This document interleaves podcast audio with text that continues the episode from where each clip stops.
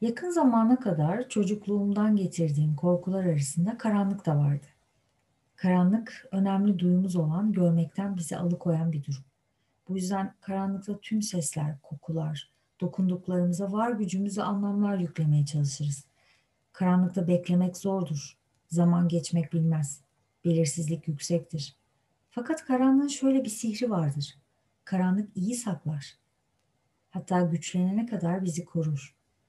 Bu gücü bulmakta kendimizi dinlemek için bir fırsat verir. Dışarıda hiçbir şey göremediğimiz için içeride kendimizi görürüz. Unutma ağaçtaki bir meyve gibiyiz.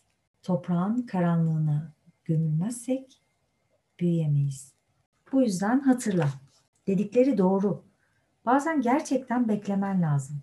Çok koştun, çok uğraştın, çok söylendin, çok savaştın. Belki midende yeni taşlarla, belki kalbinde bir çizikle, belki de bir adım daha atamayacak kadar nefes nefese başladığın yerde kala kaldın. Dedikleri doğru. Bazen gerçekten durman lazım. Yorulmaktan, pes etmekten, vazgeçmekten utanmaman lazım. Bazen gerçekten hayatın seni sırtından itmesi için yolun ortasında öylece durup parmağını bile kıpırdatmadan beklemen lazım. Bazen hayata gerçekten tüm varlığın ve tüm yokluğunla, tüm olanın ve olmayanına güvenmen lazım. Ve bazen olamayacaklarla samimiyetle barışıp olabileceğin tüm harika insanlara sarılman lazım. Zamanı geldiğinde hayat seni hafifçe dürtecek, nefesin sakinleşmiş, gözlerin açılmış, sırtın doğrulmuş olacak diyor Ege Soley Sakin kitabında. Ve yine bir başka bölümünde şöyle devam ediyor. Kaybettiğini sandığın ne varsa yeniden düşün. Bu kez biraz daha açık bir akılla. Hakikatin içinde hiçbir şey yok olmaz. Gerçek asla kaybolmaz, sadece değişir. Sen ne kadar uğraşırsan uğraş, başından geçen hiçbir şeyi, tanıdığın hiç kimseyi, ağzından dökülen hiçbir kelimeyi tamamen kaybedemezsin.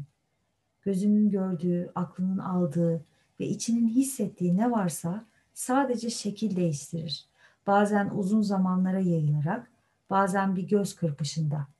Bazen sana hiç hissettirmeden, bazen kanırta kanırta. Sana hissettirdikleri yeniden şekillenir. Ağzında bıraktığı tat, kalbine yerleştirdiği his, aklına yayıldığı fikir değişir. Başkalarına hatırlattıklarını kendi hakkında konuştuk, konuşulanları değiştirir. Nicelikler ve nitelikler yenilenir.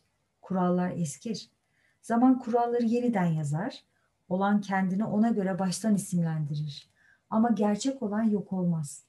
Senin, benim ve herkesin değiştiği gibi değişir ve bu yer çekimi kadar büyük bir gerçektir. Bir çocuğun gözlerinde gördüğün ışık onlarca yıl sonra hala aynı gözde yaşar. Çocuk büyür, ışık hiç solmaz. Bir elmanın çekirdeği toprağa düştükten yıllar sonra yine kendine benzeyen yepyeni elmalara dönüşür. Elma hiç ölmez. Hiç göremeyeceğin bir kaynaktan taşan su senin bardağına varana dek sürekli şekil değiştirir ama bu onun özünden hiçbir şey eksiltmez.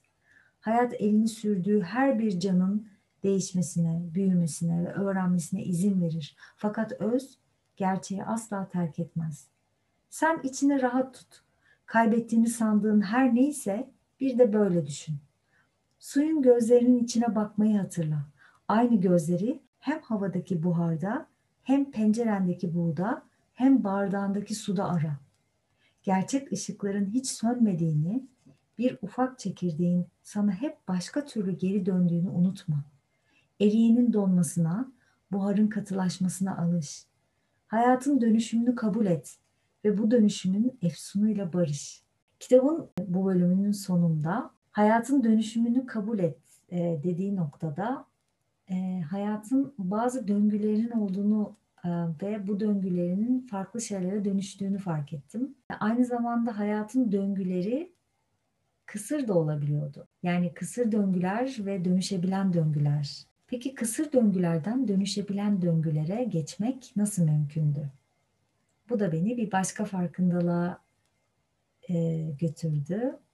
Onu da yine bir başka bölümde paylaşalım.